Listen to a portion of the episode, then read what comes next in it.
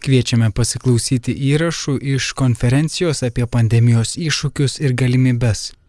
Kalbės Kauno arkivyskupas Kestutis Kievalas ir Lietuvos sveikatos mokslų universiteto vaikų klinikos vadovas profesorius Rimantas Kievalas. Priklausomybė. Mes visi išgyvename pažeidžiamumą. Visas pasaulis tiesiog vienoj valtis taiga. Nebėra nei rasių tuo klausimu, nei didelių socialinių skirtumų, visi vienodi esam. Vat skambinu dabar kartais tai į Ameriką draugams, tai Vokietija. Taip vienodos patirtis, kad tiesiog atrodo, kad šnekėtumės su savo namiškiais. Patirties prasme, netgi kaip eina karantinas, man labai įdomu, net beveik diena iš dienos atrodo čia, kad mes esame kitoj valty ir kitaip čia viską valdom, bet praktiškai pasaulį, ar būtų e, už Atlanto ar čia, einam tiesiog koja kojom. Aišku, kad ta priklausomybė iš vienos pusės rodo mūsų pažeidžiamumą, bet iš kitos pusės rodo, kaip mes vienas nuo kito esam priklausomi. Visus mus šis karantinas išmokė, kad socialiniai santykiai yra nepaprastai svarbus. Anksčiau to nepastebėjom, nes jie buvo čia šalia. Bet kai staiga to neturime, visi pradėjo jausti, kad žiūrėkit, tai yra tikrai didelis trūkumas, kad net atsiliepia mano sveikatai, psichologiniai sveikatai. Ir kad tas santykis yra praktiškai kaip vaistai. Mes turime tą žodį, žmogus asocialus, net tai reiškia iškritęs iš bendruomenės, kažkaip keistas, turbūt netgi turintis problemų psichologinių, bet kai šiek tiek įlipom visi tuos batus pabūti asocialūs, sakykim taip kabutėse, supratom, kad tai yra ne juokas ir kad turim traukti vienas kitą iš tos vienatvės, iš atskirties ir bendrystė yra kaip vaistai. Taigi, ne tik rodo priklausomybę vieną nuo kitų, kuris mums yra įgimtas kaip žmonių poreikis, sako popiežius, net yra įgimtas žmogaus poreikis. Bet taip pat aišku ir priklausomybė nuo Dievo. Nes nori, nenori, jeigu tikrai ties galimybė ištinka, tai pasak priežodžio, apkasuose nėra netikinčių. Kai tu papuoli tuos apkasus, ba, kas nėra skendęs, nėra meldęsis, sako jūrininkai. Kai tu pradedi jau tikrai skęsti byra tas vat, saugumas gyvenimo, net nejučia, nejučia lūpos tarė žodžius. Taigi, tai priklausomybės išgyvenimas. Trečias žodis - artumas. Popiežius gražiai sako, yra tikrai brangus balzamas, teikiantis paramą ir paguodą tiems, kurie kenčia lygoje. Yra tokia vadinama buvimo kartu tarnystė. Teko Amerikoje studijuoti ir buvau klinikinės pastoracinės praktikos metu ir staiga išgirstu tokius dalykus, kurie visiškai nebuvo mano studijų metais kalbami čia Lietuvoje. Pavyzdžiui, Ministry of Presence, buvimo tarnystė. Tik pats buvimas šalia jau yra tarnystė. Arba kitas angliškai non-anxious presence, ramybės buvimas šalia, draugė su žmogumi. Vėl kita gydimo forma arba kitais galėtume sakyti meilės žmogui išraiška. Būti drauge reiškia tą žmogų traukti iš vienišumo, vienatvės, kuri dažnai yra faktiškai lygų priežastis. Žmogus užsidaro, susigūžia, viskas blogai ir tada turi įtraukti lauk. Šiandien iš ryto klausiausi vienos paskaitos ir labai įdomu, sako, šiaip yra paskaičiuota maždaug apie 60-65 tūkstančiai minčių per žmogaus dieną praeina mūsų galvoje, apie tiek minčių atskirų. Nežinau, kaip jie tą suskaičiavo, bet greičiausiai yra toks, kaip sako, skaičius apvalus, apibendrintas. Ir 80 procentų minčių dėja yra neigiamos. Įsivaizduojate, mes esam linkę į tą neigiamų minčių apmąstymą. Aišku, mums tą paskatina galbūt ir ta aplinka medijų, bet mes patys nutarėm, kokią žinią įsileisti ir kurią palaikyti. Ir dažnai neigiamos žinios dominuoja ir atrodo, kad reikia pastangų pačiam atsitraukti nuo tokių žinių, ieškoti būdų ar net įsigyti gebėjimą valdyti negatyves mintis ir tokiu būdu būti sveikesniu žmogumi. Nes kuo daugiau dominuojantis neigiamas mintis, žmogui sunkiau užmėgsti santyki su kitu. Jisai daugiau turi tendenciją gūštis, užsidaryti ir, kaip čia pasakius, nutraukti ryšius. Ir atvirkščiai, jeigu žmogus žengia žingsnį link atsidarimo, jis pats save gydo nuo tų neigiamų minčių, kurios jį beveik automatiškai ištinka. Atrodo, kad aš tik tarnauju kitam, dovanodamas savo laiką, savo jėgas, bet giliausia prasme aš pats save gydau ir tokiu būdu, dovanodamas kitam žmogui artumą arba gerą žodį, emociją, faktiškai man jisai grįžta pačiam, nes išeinu iš to susitikimo visai kitos nuotaikos. Tas labai įdomus fenomenas yra ir jisai veikia dviejų krypčių eismu. Ketvirtas žodis santykis. Apie tai šitas laiškas. Geram gydimui esmingai svarbus santykių aspektas, nes jo dėka įmanomas visiminis požiūris į ligonį. Jei atsižvelgiama į šį aspektą, gydytojams, slaugytojams, specialistams ir savanoriams yra lengviau rūpintis kenčiančiais ir lydėti juos gydimo procese. Tai reiškia, kitas žmogus nėra tik tai atvejis, bet labai svarbu matyti kaip asmenį. Šis santykis esmingai svarbus pamini popiežius, geram gydimui. Ir tai priklauso visuminiam požiūriui žmogų. Tai reiškia, kartais išgirstam, vad sako, ten žmogus guli su plaučiais, ten su kepenim guli. Kaip atvejai. Tai aišku, čia visi supranta posakį, bet nepamiršti, kad jeigu yra santykio tikrovė, jinai gero gydimo priežastis dar daugiau jinai esmingai svarbi. Na ir penktas žodis - susitikimas. Visuomenė yra tuo žmogiškesnė, kuo labiau geba pasirūpinti savo silpnais ir kenčiančiais nariais. Ir tai daro veiksmingai gaivindama broliškos meilės. Siekime šio tikslo ir padarykime, kad niekas neliktų vienišas, nes jaustų atmestas ar apleistas. Toks yra paraginimas, kalbantis, kad visuomenės kokybė iš tikrųjų yra tame, kiek žmonės vieni kitus jaučia kaip brolius ir seseris. Čia gal skamba taip truputėlį pompastiškai, bet iš tikrųjų esmė yra, kad aš nelaikau kito žmogaus svetimu. Kitas žmogus yra faktiškai kitokia aš versija. Eina per tas pačias patirtis.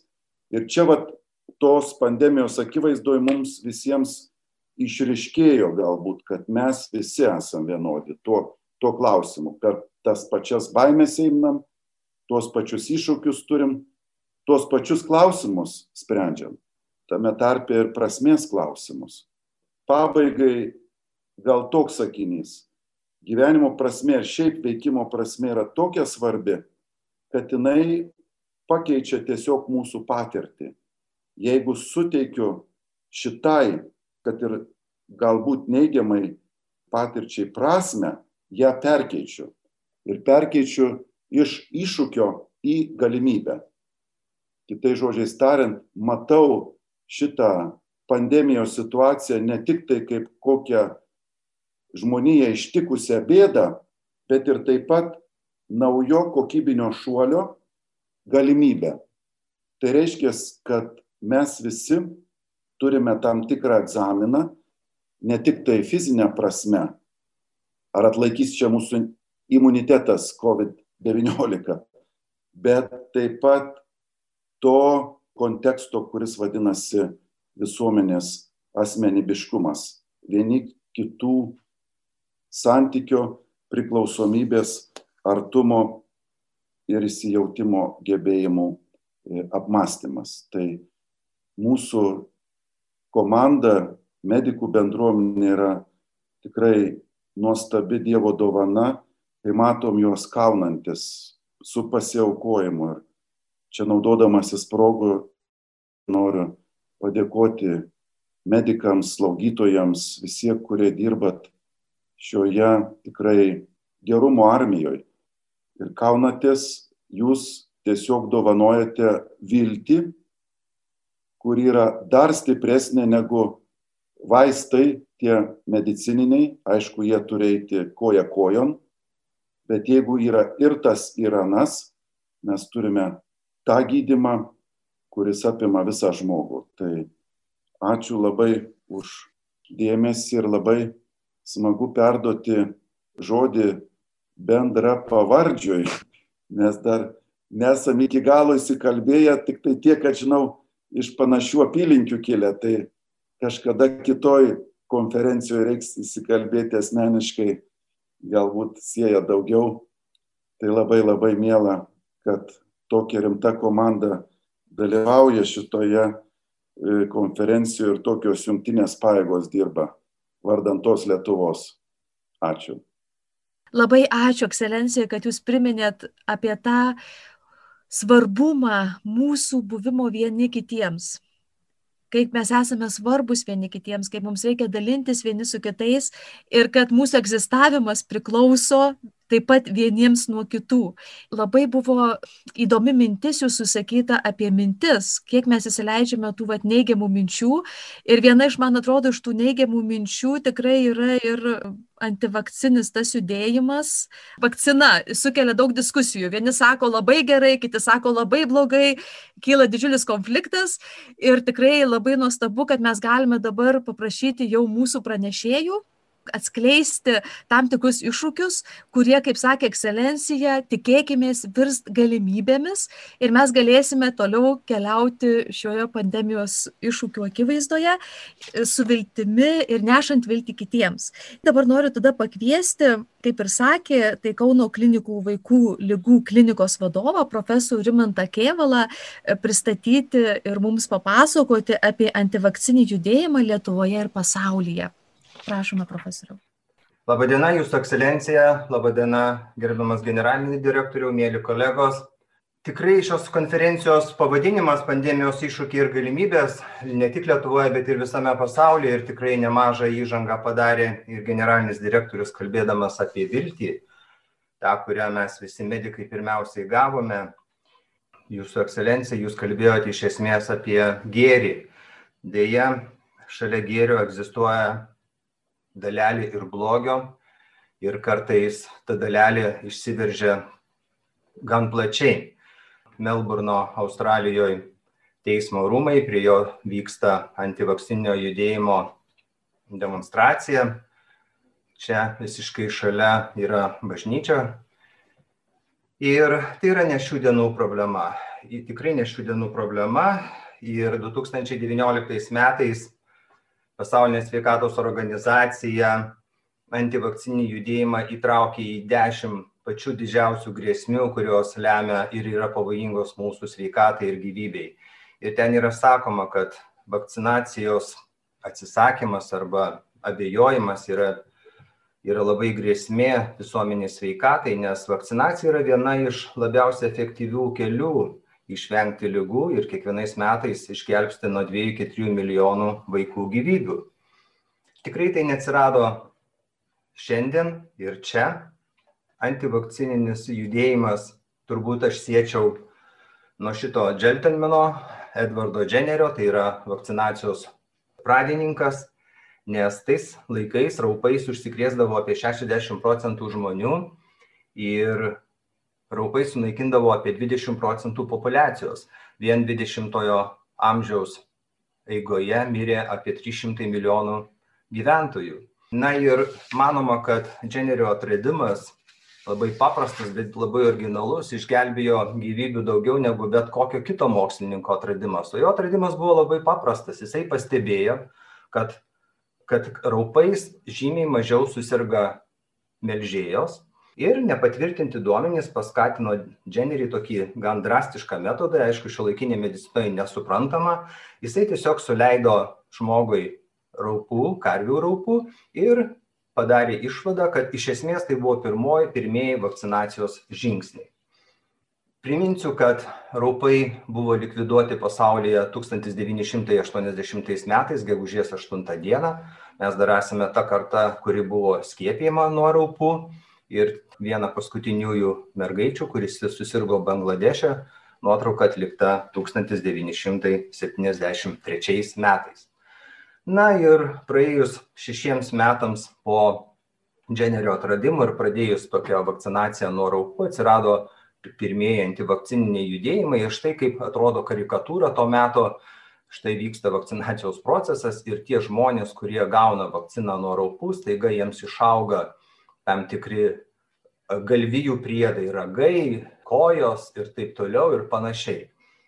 Na, dar kaip tuo metu žmonės įsivaizdavo vakcinaciją, vaikų vakcinaciją, kad tokiam monstrui sušeriami vaikai, toliau jie ekskretuojami, jau pavakcinuojami, na ir šitas herojus su ragais, turbūt primenantis velnę, tuos vaikus pakrauna į į vežimą ir taip atiduoda savo tėvams. Taigi tos mintys ne šios dienos, o atsiradę beveik prieš 220 metų. Na, aš labai trumpai priminsiu iš esmės vakcinų technologijas. Tai pirmiausiai negyvi mikrobai, klasikinis pavyzdys būtų gripas arba šiuolaikinis poliomelitas. Toliau gyvi susilpninti mikrobai, klasikinis pavyzdys mūsų būtų timų, e, parotito ir rotaviruso vakcina, raudonukės taip pat vakcina. Na, prieš 30 metų atsirado labai tokia progresyvi vakcinologija, kada buvo vakcinacijai panaudojamos mikrobų dalys su vienetinės vakcinos. Klasikinis pavyzdys turbūt būtų hepatito B vakcina, meningokoko B vakcina arba ŽPV vakcina. Na ir naujoviškos vakcinos, kurios dabar buvo sukurtos šios pandemijos metu, bet tai tikrai ne šių dienų technologija, tai vadinamos informacinės RNR arba informacinės DNR vakcinos. Visų šitų iš esmės vakcinų veikimo mechanizmas iš esmės lygiai tas pats, ką galvojo ir ką darė Jenneris prieš 220 metų. Tai yra vakcinos imituoja mikrobus, turi sukelti imuninį atsaką, tai yra susidaro atminties B limfocitai ir T limfocitai, tie vadinamieji T limfocitai žudikai, kurie nužudo jau pažeistas ląsteles viruso, nes kitaip iš viruso iš ląstelės jau ten neiškrakštysi, bet kitaip sakant, pats pagrindinis dalykas tai yra specifinio įgytojo imuniteto susiformavimas ir taip apsaugojimas nuo lygos. Nes jeigu mes užsikrečiame natūraliai, mes susirgame lyga, mes matome, kiek, kad ir šios pandemijos metu, kiek daug yra komplikacijų, letalių išeičių, o vakcina iš karto duoda imuninį atsaką. Vakcinų poveikis, kaip matome, 100 procentų yra tik tai ties difterija ir ties raupais. Mano mokytojai dar pasakojo apie difteriją, aš jos nemačiau ir tikrai nematysiu. Aš savo studentam pasakoju apie hemofilus influenza B tipo E, susirgymus, kuriuos mačiau iki 2004 metų, kada ir Lietuvoje buvo įvesta vakcinacija, pasaulyje 1980-ais. Didžiuliai sunkus epiglotitai uždusdavo vaikai, sunkus meningitai, kur net 30 procentų laikų pradėjus gydimą būdavo didžiulės komplikacijos. Na, o kitos vakcinomis valdomų lygų procentai nėra labai artėja prie šimto, tačiau kartais tie keli procentai gali turėti lemiamą reikšmę kylant protrukiui. Dabar kas nutiks, jeigu vakcinacija bus sustabdyta ir sumažės skiepimo apimtys ypatingai šiuo metu, pandemijos metu, mes kalbame, kad daugelio vakcinomis valdomų lygų užkrečiamumas yra žymiai, žymiai didesnis negu COVID-19. COVID-19 tas užkrečiamumas 1, 1,2 Tačiau tokių lygų kaip tymai, kokliušas, užkrečiamumas yra žymiai didesnis - 12-18. Tymai iš vis yra labai pavojinga infekcija, skaitoma, kad jinai tymų virusas mutavo iš gyvulių maro, dar nuo pirmykštės bendruomenės, kaip kartu gyveno žmonės vienoj patalpoj ir, ir gyvuliai. Ir tai yra gyvulių maro atmaina, užkrečiamumas yra pakankamai didelis. Buvo galvojama, kad 2014 metais, kaip ir su raupais, taip ir tymai bus panaikinti, dėja dėl tam tikrų protrukių, kurių įtaką turėjo nemaža dalis ir mano minimas antivakcininis judėjimas, tymai kol kas išlieka didžiulė rizika. Ir šiuo metu ekspertai kalba ir labai bijo didžiulio tymų protrukio dėl sumažėjusių vakcinacijos apimčių. Man labai patinka šita modeliuota hipotetinė kohorta, kuri buvo atlikta Junktinėse Amerikos valstijose 2009 metais. Jie paėmė standartizuotą tuo metu gimusių naujagimių kiekį, Amerikoje gimsta virš 4 milijonų ir vertino skiepimo apimtis. Įprastinė vakcinacija labai panašus kalendorius kaip ir Lietuvoje, be sezoninio gripo, duomenys apie sergamumą ir skiepimo iki skiepimo pradžios. Toliau netiesioginiai ir tiesioginiai lygų kaštai ir skiepimo programos kaštai. Ir kokį rezultatą atsitiktų, jeigu būtų nutraukta vakcinacija vienus metus Junktinėse Amerikos valstijose. 42 tūkstančiai ankstyvų vaikų mirčių, 20 milijonų lygų atvejų ir būtų išleista 68,8 milijonai Amerikos dolerių. Tai yra tiesioginiai ir netiesioginiai kaštai. Lietuvoje kiekvienais metais gimsta apie 30-32 tūkstančius naujagimių, tai padalinkime šitą skaičių iš 142 ir turbūt 300 kūdikių mirčių Lietuvai būtų nepakeliamas mm, smūgis.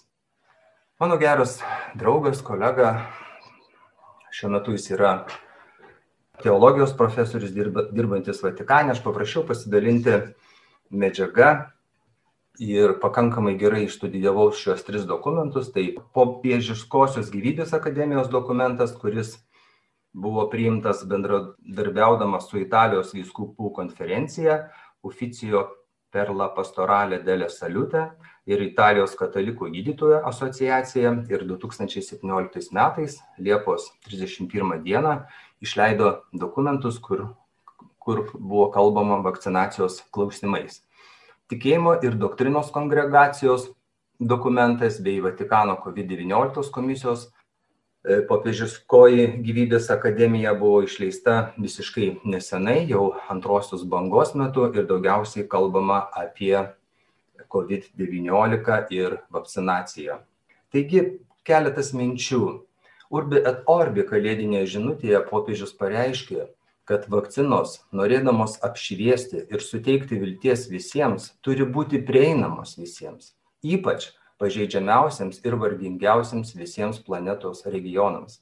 Dabar yra problema, kad vis dėlto dalis besivystančių šalių, dalis blogai ekonomiškai besilaikančių šalių yra nuskriaudžiamos vakcinos tiekimo klausimais mano pirmajam paminėtam dokumente teigiama kad gyventojų neskiepijimas rodo rimtą pavojų kad gali pasklisti praeityje išnaikintos pavojingos ir dažnai mirtinai pavojingos tokios infekcijos kaip tymai raudonukė vėjaraupiai.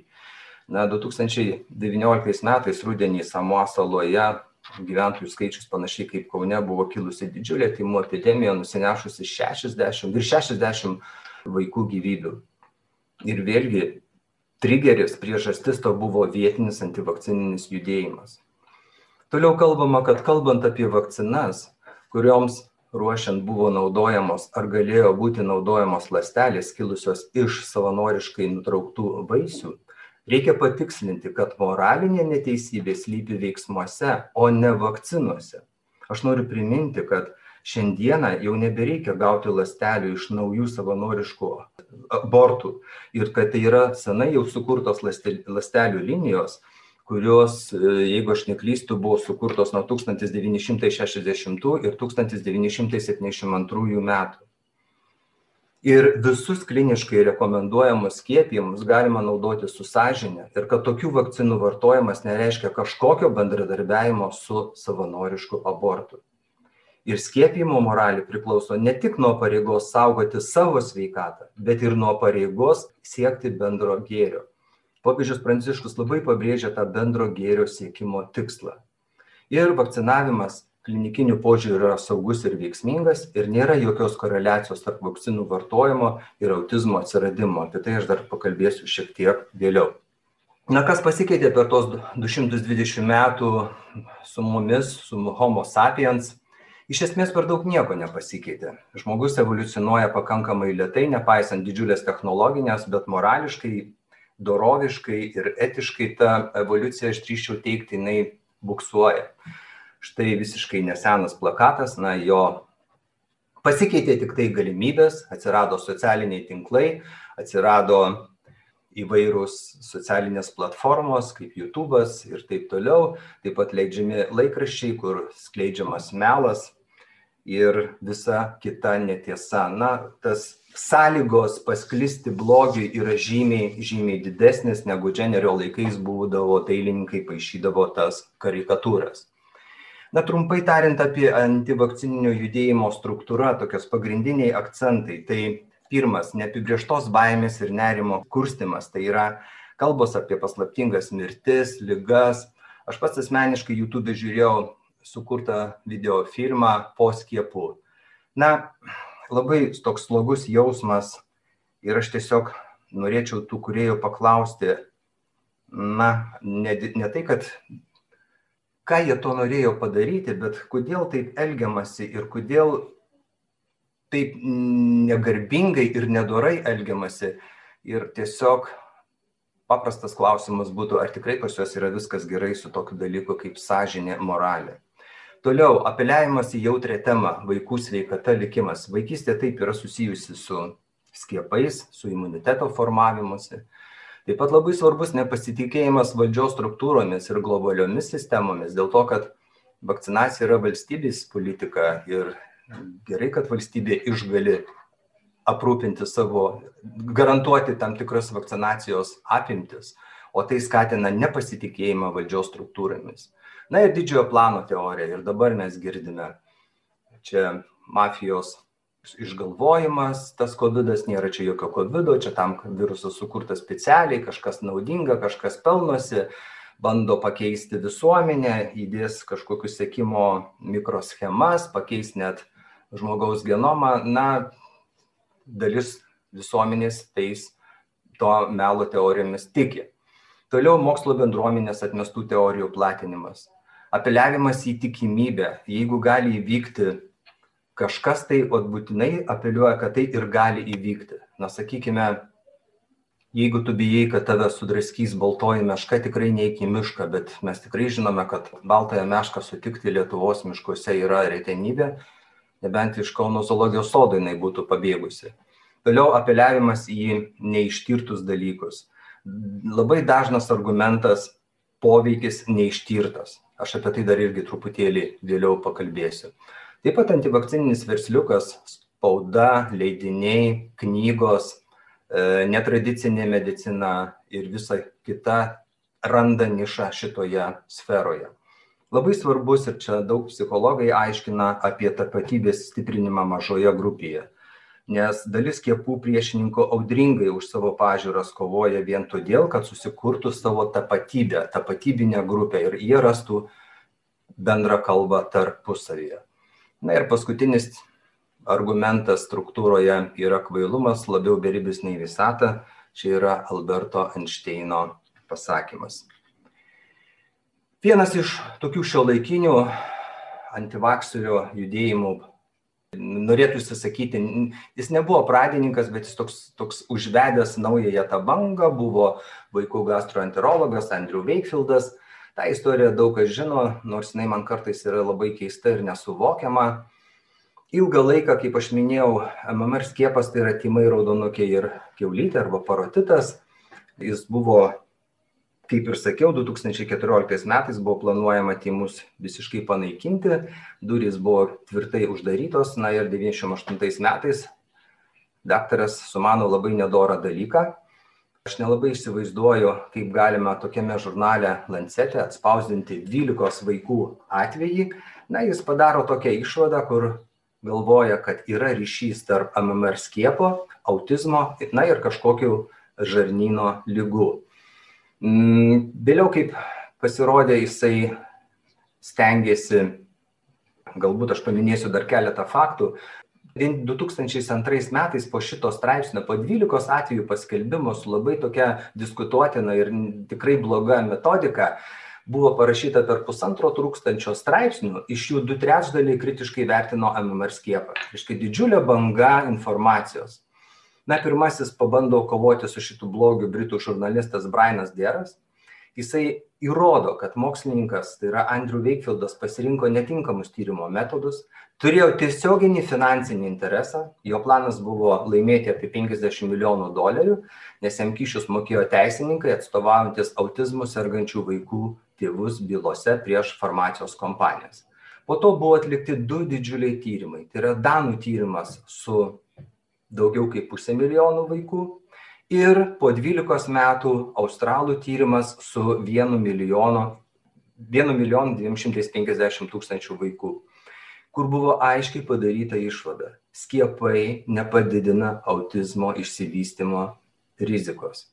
Ir netgi, kad paskiepytų vaikų rizika susirgti autizmu buvo 8,17 procentų mažesnė nei neskiepytų. Pačiam Veikfieldui šitą istoriją baigėsi liūdnai, šio atimama licenzija, jisai pabėga iš Junktinės karalystės į Junktinės Amerikos valstijas, gyvena Kalifornijoje pakankamai prabangiai ir kol kas jis yra vienas iš antivakcininio judėjimo vėliavnešių. Taigi nepasitikėjimas skiepais.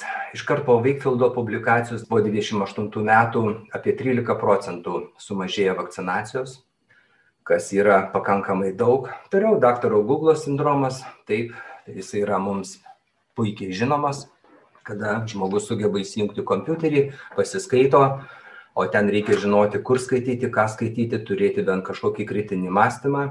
Na ir apie Davido Daningo ir Justin Krugerio efektą aš šiek tiek vėliau pasakysiu, pateikdamas pavyzdį.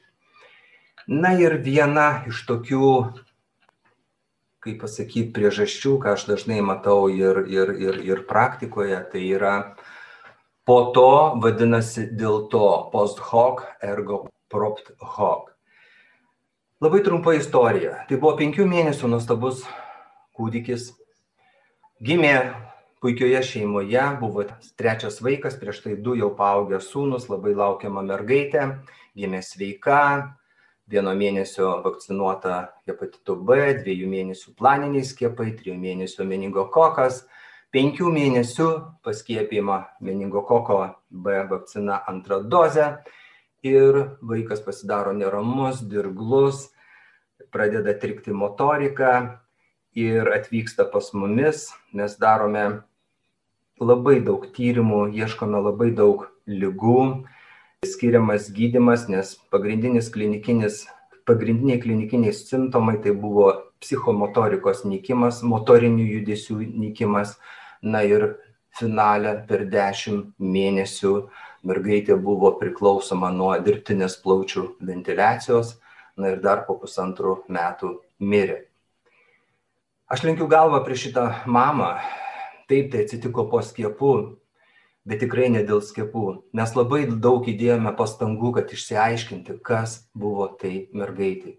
Ir linkiu galvą dar kartą prieš ją dėl to, kad jinai tikėjo mumis, tikėjo šio laikinė medicina. Mes jai nustatėme retą, retą genetinę lygą, mes nustatėme, o dar kolegos Vilniečiai patvirtino, nes tėvai to norėjo. Reta genetinė lyga, kuri pasitaiko vienam iš šimto tūkstančių primenu kad lietuvoj gimsta apie trisdešim tūkstančių reiškia į keletą metų tai gali būti kuri yra visiškai nepagydoma. Tai abudu tėvai nešiojosi geną ir per moterišką liniją jisai persidavė. Ir jeigu ne šiuolaikinė medicina ir jeigu mama netikėtų mumis antivakcerių judėjimas tikrai turėtų tikrų argumentų. Bet tikrai tai yra viena iš dažniausiai priežasčių kada įvyksta po skiepų ir viskas susijęjama su skiepais. Labai svarbu, medijos, politikai, visi labai mėgsta pakalbėti apie vakcinas, ypatingai, na, Dainius Kapenis, čia jo yra citata, aš ją nenorėčiau daugiau komentuoti, kad tai, kaip sako, COVID pasaulinės mafijos projektas, o skiepydamiesi tapsime eksperimentiniais triušiais. Na ir kitas jo pasakymus, Labai gaila, kad garbingą Seimo tribūną jis panaudoja gėrio, tai yra ne gėrio, o blogio skleidimui.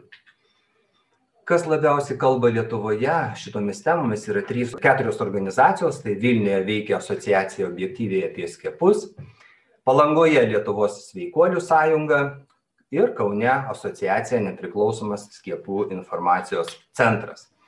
Objektyviai apie skiepus vadovauja ponia Lina Rutkauskinė.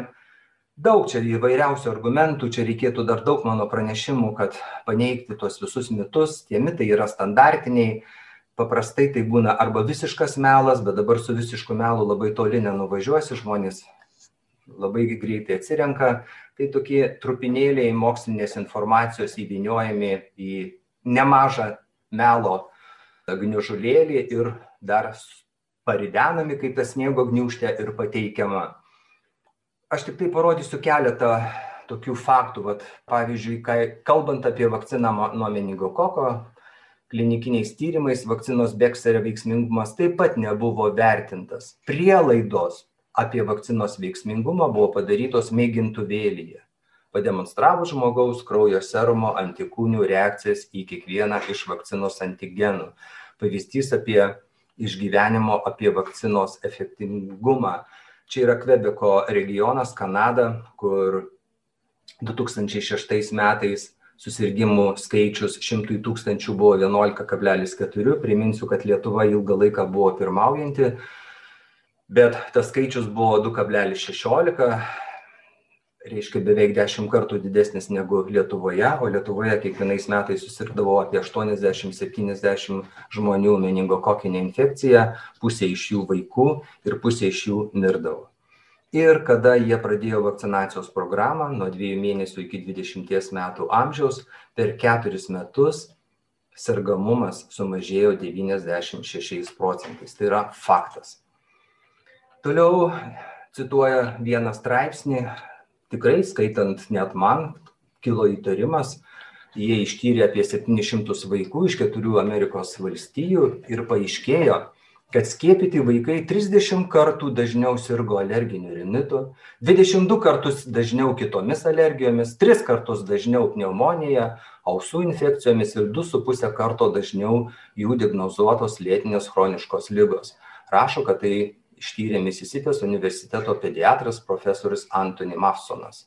Na, aš tikrai išsikėliau šitą straipsnį, mes iš, iš jį išnagrinėjome, štai yra originalus jo pavadinimas na pirmiausia mapsonas yra ne pediatras yra epidemiologas jis tyrė vaikus kurie yra namuose dėl tam tikrų priežasčių mokomi namuose tai yra dėl religinių dėl etinių dėl įvairių kitų dalykų ir tuos vaikus kurie lankėsi kolektyve na aš tik vieną išvadą padarysiu kad tai yra pateikti faktai prieš tai mano paminėti faktai tai yra melas ir kad visiškas nemokėjimas susigaudyti medicininėje statistikoje Toliau asociacija nepriklausomas skiepų informacijos centras daugiau akcentuoja aliuminio problemas, kad vaikas nuolatos sargdinamas lengva tos lygos forma, stimuliuojamas imunitetas aliuminio druskomis. Taip, aliuminis yra adjuvantas, pavyzdžiui, meningokoko B vakcinoje jo yra 0,5 mg. Ir teigia, kad pasitaiko taip, kad pernelyg dažnai stimuliuojamas imunitetas gali pradėti blogai veikti. Na viena taip pat svarbu ir mūsų visuomenės veikėjų atlikėjų kad ir mūsų dainininkė aistė pilvelytė jinai skelbia kad labai daug informacijos yra apie skiepus ir iš rusijos mokslininkų teiginių. Man teko kalbėtis su it specialistais kurie teigia kad tikrai yra specialiai sudaromos tokios antivakcininės formalios neformalios atsiprašau grupės ir prieš pastatoma kad iš esmės siekiant sukiršinti žmones. Na ir gaila, kad mano paminėta dainininkė galvoja, kad virusai yra sugalvojami to paties farmacijos verslo atstovų. Gaila, kad teigiama, kad vakcinomis tengiamasi pakeisti žmogaus DNR, įvesti mm, vėžinių lastelių, kad po to farmacinės kompanijos galėtų gaminti labai brangiai kainuojančius antinavikinius vaistus. Ir apie leidybą pakankamai neblogai išnagrinėjau šitą knygą. Atrodytų dirbtinis ar natūralus imunitetas toks rimtas džentelmenas. Maniau kad tai yra neilas z. Mileris deja ne. Neilas Etmilleris yra medicinos, kaip save pristato, medicinos tyrimų žurnalistas, direktorius globalaus vakcinacijos instituto, o tai iš tikrųjų yra antivakcininė organizacija. Na ir nemaža dalis tos knygos vėl remiasi apie aliuminį. Taigi, trumpai pacituosiu. Vakcinuose ir pagalvokime, kaip būtų sunku susivokti tiesoje paprastiems tėvams be medicininio išsilavinimo. Vakcinuose esantis aliuminis gali sukelti chronišką nuovargį, miego ir atminties sutrikimus, demėlinizaciją, dėl kurios išsivysto dauginiai sklerozijai būdingi simptomai. Autizmas gali būti susijęs su genetiniais faktoriais ir aliuminio turinčiomis vaikiškomis vakcinomis. Šiame straipsnėje analizuojamas toksiškas vakcinose esančio aliuminio adjuvanto poveikis vaikų neurologiniai ir imuniniai sistemai. Nors žinoma, kad aliuminis yra neurotoksinas, iki mokyklinio amžiaus vaikai su vakcinomis gauna didelės aliuminio dozes. Tai gali sutrikdyti neurologinę vaikų raidą, sukelti įvairius autoimuninius susirgymus. Ankstyvoje vaikystėje vaikų smegenys yra jautresnis toksinams, o inkstai menkiau sugeba juos pašalinti iš organizmo Todėl vakcinuose esantis aliuminis vaikams pavojingesnis negu suaugusiems. Na ir vakcinuose esantis aliuminis gali sukelti pastovius smegenų ir imuninės sistemos sutrikimus. Ir įsivaizduokim, tai skaito tėvai, nes knyga skirta tėvams. Na, čia tas pats lygiai apie chronišką nuovargį. Taigi pažiūrėkime iš tikrųjų, ka, apie kokį mes aliuminį kalbame. Iki šešių mėnesių amžiaus jeigu vaikas kūdikis maitinamas motinos pienu jis aliuminio gauna dešim miligramų iš aplinkos per mamos pieną. O jeigu jisai maitinamas dirbtinai reiškia jisai aliuminio gauna trisdešim miligramų. Kai tuo tarpu su vakcinomis jisai gauna tiktai keturis miligramus. Ir jeigu mes galvotume apie tuos dalykus kas yra kalbama tai aliuminio toksiškumo lygis turi kad gauti aliuminio toksiškumą lygis turėtų padidėti nuo šimto iki tūkstančio kartų. Toliau aš nenoriu komentuoti apie gyvsidabrio, nes šiuolaikinėse, šiuolaikinėse vakcinose gyvsidabrio nėra. Na ir dar pabaigai viena knyga, kaip užauginti sveiką vaiką be gydytojų pagalbos ir vėlgi anonsas vienas garsiausių Amerikos pediatrų gražina tėvams galimybę patiems rūpintis savo vaikų sveikata. Na, Mendelsonas buvo amerikiečių pediatras, išgarsėjo dėl radikalaus požiūrio į mediciną, jis viską kritikavo. Kritikavo pediatriją, buvo labai reakcingas antivakcinikas, pasisakė prieš koronarinės šuntavimo operacijas, pasisakė prieš rengino tyrimus krūties vėžiui nustatyti ir taip toliau ir panašiai. Bet man kyla vienas klausimas, aš norėčiau užduoti leidėjams, kam leisti knygą, kuri parašyta daugiau kaip, kaip prieš keturis dešimtmečius, kurio patarimai tuos, kuriuos aš bent skaičiau, tai gali tuoj pat pražudyti vaiką. Na ir Mendelsonas, kad ir buvo už natūralę, turbūt už natūralų gyvenimo būdą, dėja, kaip matote, mirė eidamas 62 metus.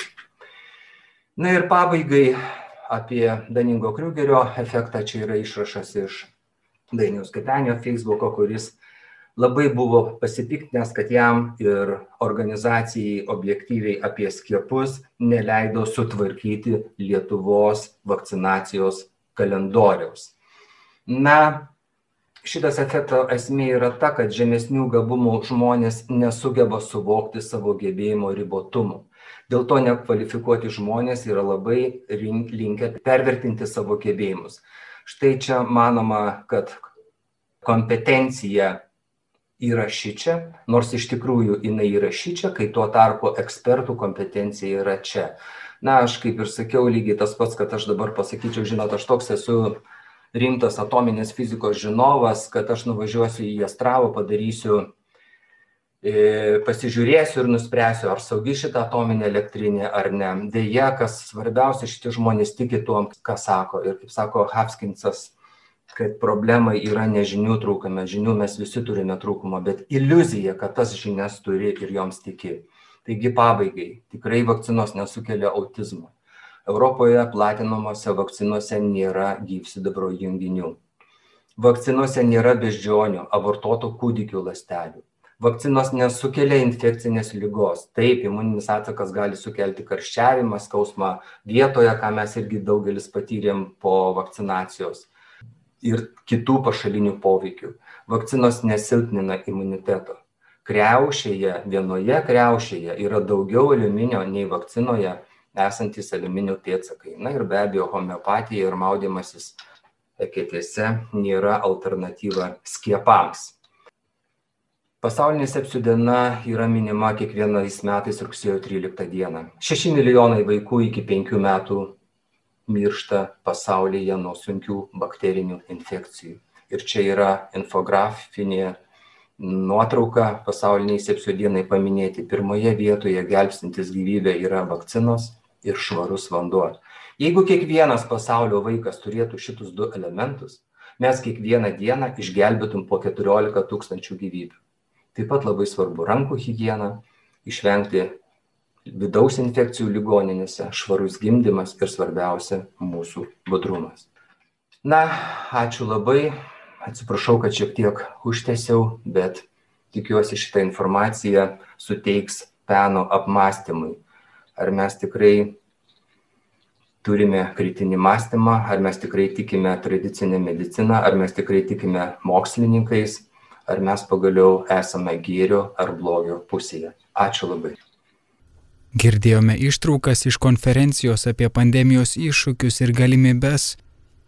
Kalbėjo Kauno arkivyskupas Kestutis Kievalas ir Lietuvos sveikatos mokslų universiteto vaikų klinikos vadovas profesorius Rimantas Kievalas.